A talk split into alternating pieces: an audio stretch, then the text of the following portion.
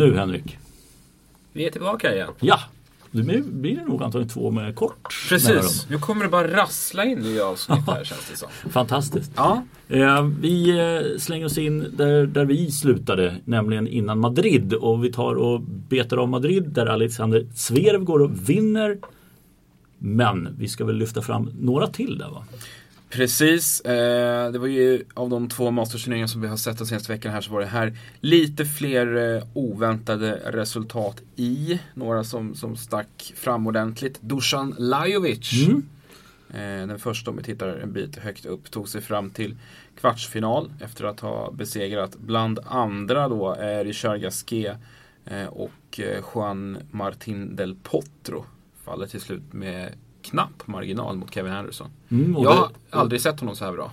Nej, och jag tänkte säga Lajovic är ju en, en medelmåttig spelare om man uttrycker det. Det är ju ingen kille som gör väsen av sig. Jag tycker inte han har några enorma vapen men han är en grusgnetare.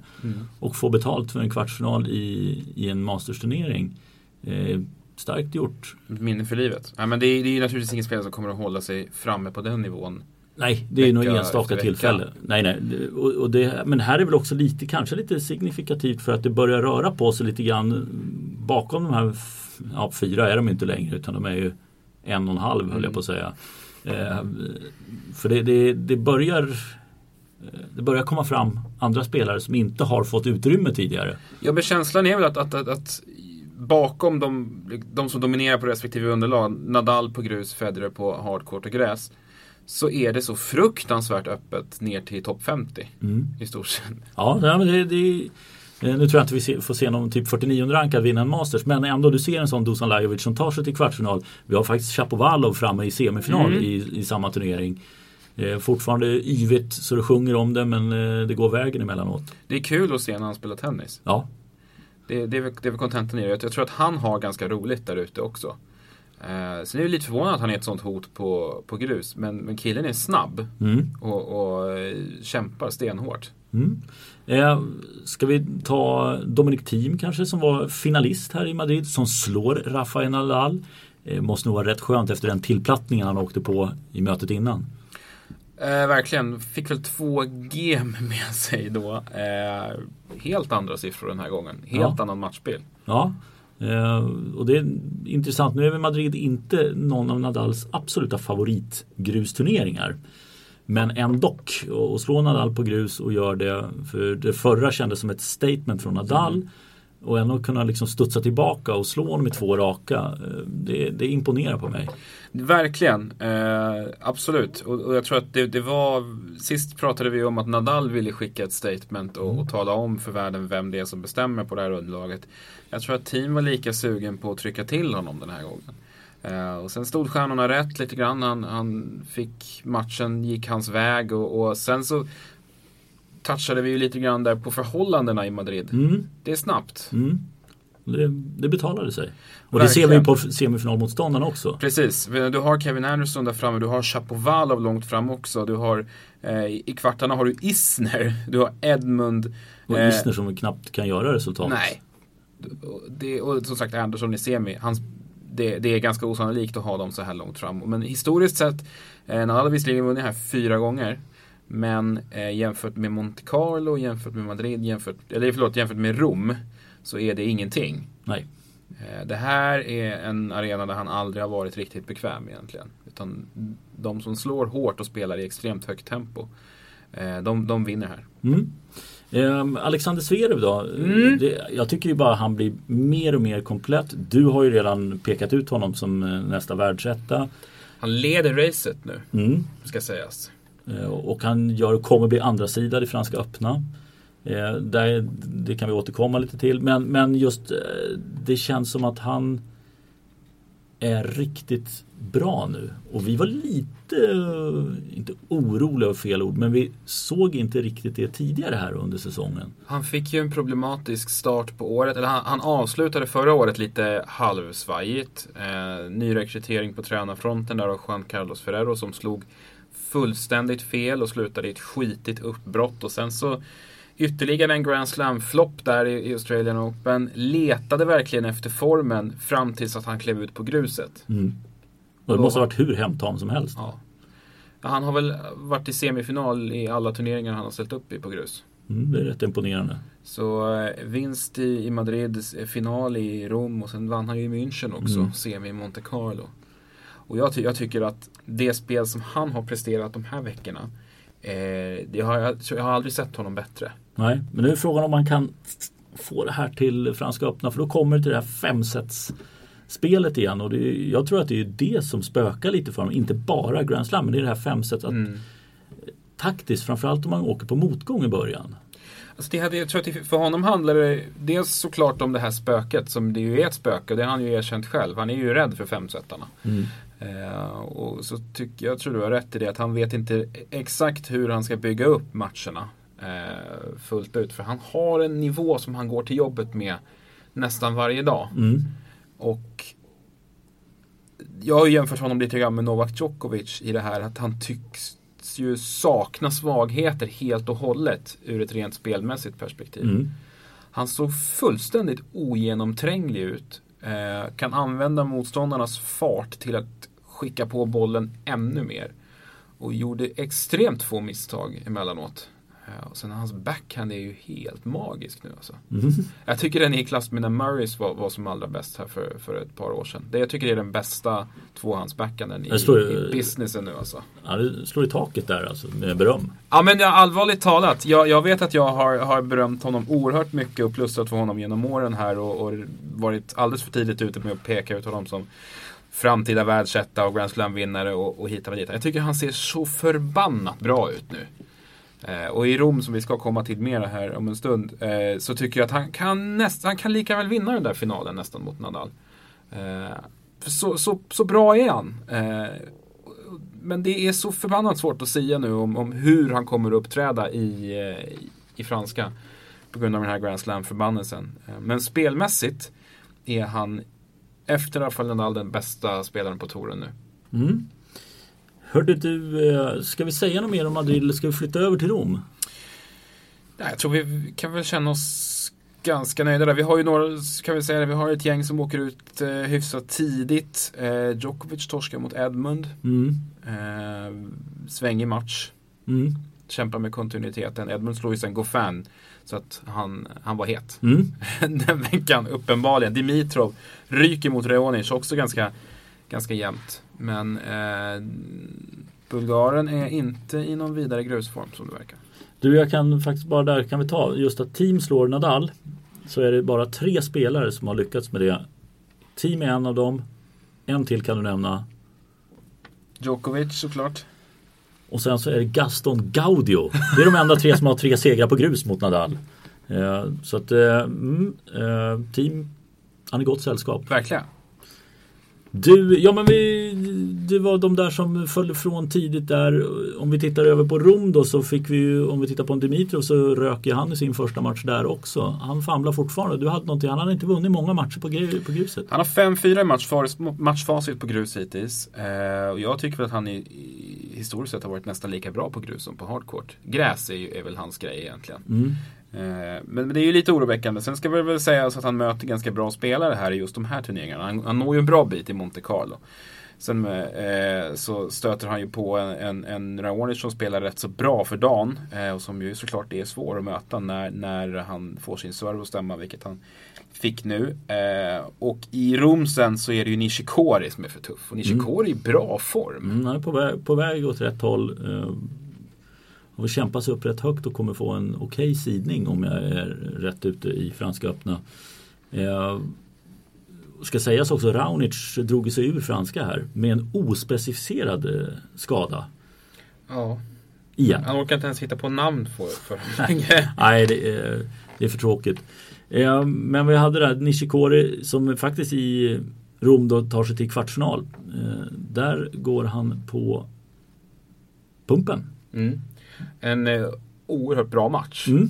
Väldigt underhållande match. En av de bästa i år nästan får vi säga. Bland tre sätterna. Mm. Eh, Novak Djokovic som vänder 0-1 och vinner sen de två följande med 6-1, 6-3.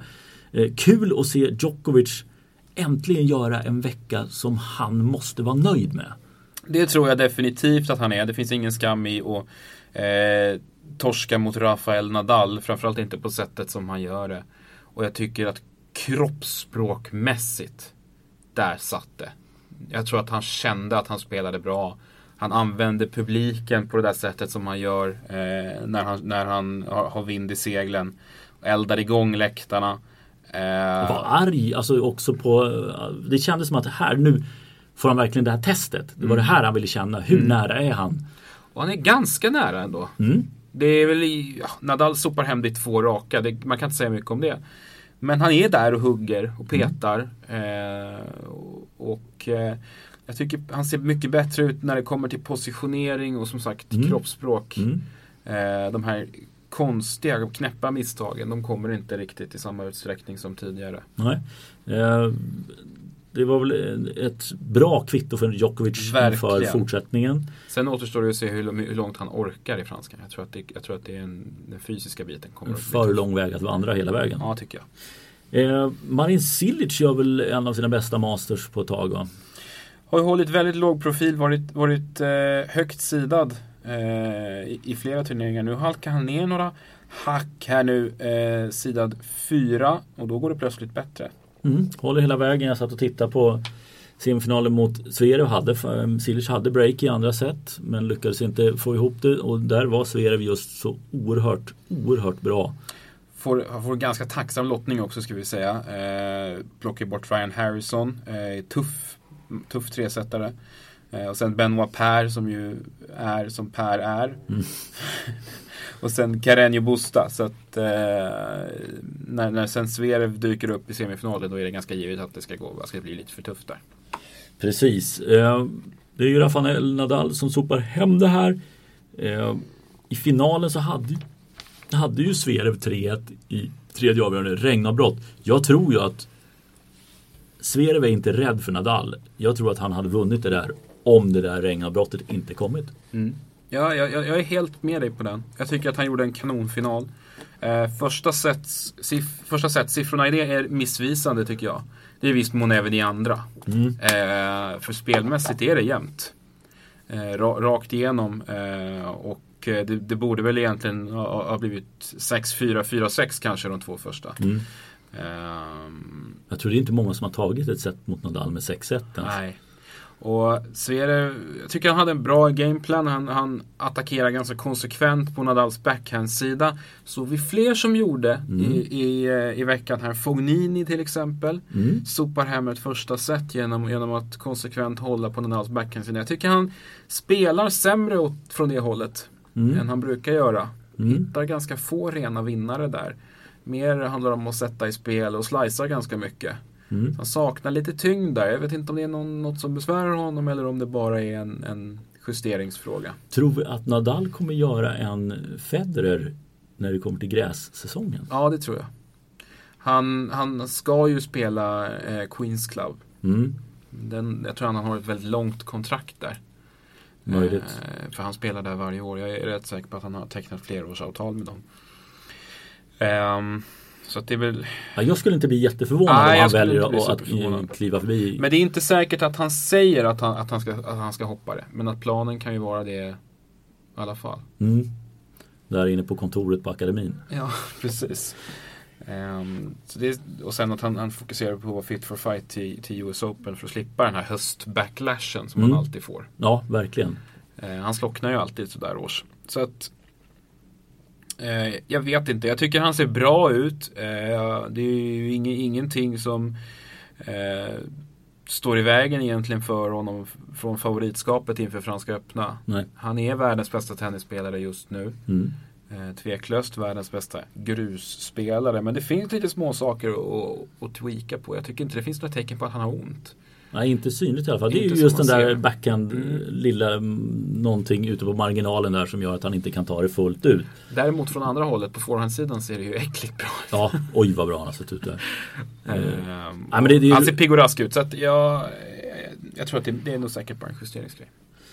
Ja men du, om vi tittar nu, vi kommer, nu är vi inne på, på loserveckan och det är väl inte så många, Wawrinka ställer upp men Team han, såklart. Ja, förstås. Men team, team spelar alltid. Team som inte ska spela loserveckan inför Wimbledon. Bara det är faktiskt en jättesensation. Mm. Men då har han insett att det... har toppat med det. Ja. Eh, men du, om vi tittar på grussäsongen då. Vi, Jag vet att du var inne och tittade lite grann på hur det ser ut där. Alltså det, jag kikade lite grann på vilka det är som vinner flest matcher. Eh, och Rafael Nadal är ju den som har vunnit flest hittills. Han har ju sopat rent i stort sett i de här tre Masters-turneringarna. Well, knock me over with a feather. Ja, precis. Det, det är väl ingen som är överdrivet förvånad över det. Inte heller att Alexander Zverev är tvåa nu på den listan eh, efter de här två fantastiska veckorna. Eller ja, efter hela sin grussäsong egentligen. Ja. Helt grymt. Eh, och sen Dominic Thiem då. Spelar mycket. Spelar mycket, spelade ju även på grus lite grann i Sydamerika. Eh, så att, och gick ju till final i Madrid. Så att, eh, ja men det är väl inga överraskningar. Men sen hade du väl någonting som... Ja, sen har vi Stefano Tsitsipas. Ja, den kom lite oväntat. Verkligen. Eh, han har ju då lirat ganska mycket små turneringar i stort sett varje vecka. Mm. och eh, har ju gått långt i flera av de mindre turneringarna. Inte varit lika framgångsrik i, i, under de stora veckorna. Även om det väl gick bra i Monte Carlo. Men, men det är ju en kille i vardande. Mm. Är ju lite tunn än så länge tycker jag. Eh, men spelar ju ett oerhört attraktivt spel. Mm kul att titta på. Eh, har fått bra utdelning här. Så att, så att, han är med där uppe. Liksom Albert Ramos Vinolas. Det var också en stor skräll för mig. För jag tycker inte att jag har sett att han har gjort så bra resultat. Men han har tuggat på och han, spelat mycket. Han har tuggat på och vunnit ett par matcher per turnering. Han har ju också spelat. Jag tror att han är den av de här fem som har spelat flest turneringar på grus i år. Mm. Och han var ju såklart också vända i Sydamerika. Så mm. jag tror att han är uppe i nästan ett tiotal om man räknar med, med Davis Cup. Så att uh, han, han, har spelat, han har spelat mycket. Han har spelat allt? Ja, nästan. Jag tror han hade 13-7 eller något sånt där i matchfacit. Mm. Så att uh, han, har spelat väldigt mycket. Och sen har du lite, lite mer väntade namn där som, som Schwarzman, Fognini, eh, Carreño Busta, men sen även Kohlschreiber och Edmund finns mm. de med, topp 10. Mm.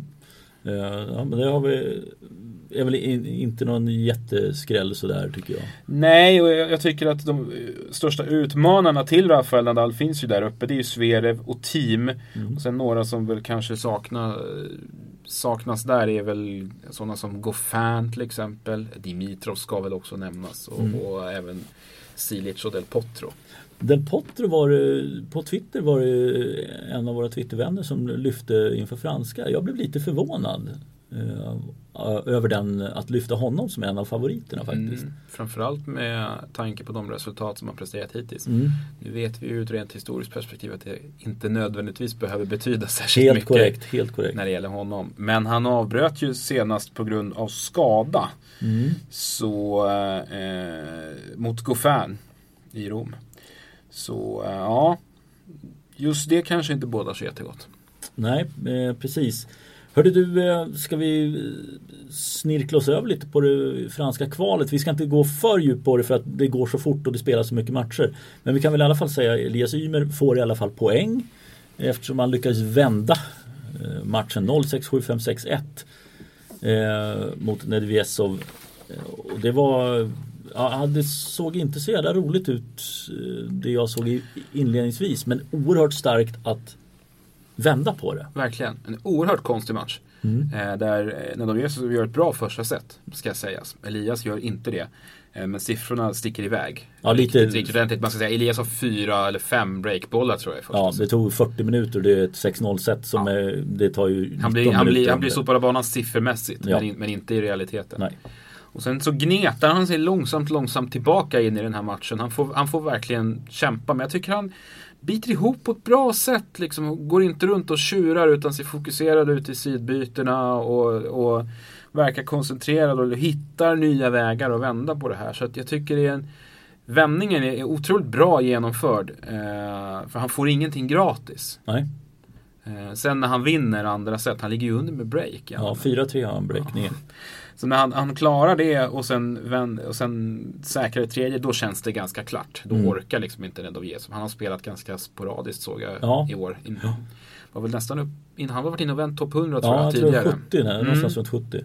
Men eh, är ju lite kantig typ. Eh, och har som sagt inte matchat lika flitigt som Elias har gjort i år. Så att det slet nog på honom där på slutet. Eh, men, men bra att få, få, få, eh, få med sig den där, eh, försvara poängen från förra året. Eh, blir nog ett intressant test här framöver möter ju Facundo Bagnis. Bagnis. Ja det tror jag blir en riktigt tuff match. Bagnis kan grus. Tycker om att spela i Sydamerika. Mycket grusmatcher där nere. Både på Challenger och ATP-nivå. Eh, I övrigt då, det är ju rätt roliga namn som dyker upp här. Jag vet inte när jag såg ett så här intressant ATP eller ett eh, Grand Slam-kval sist. Nej, man har några gamla Tommy Robredo som vinner en eh, Challenger förra veckan och man såg lyckan hos Robredo.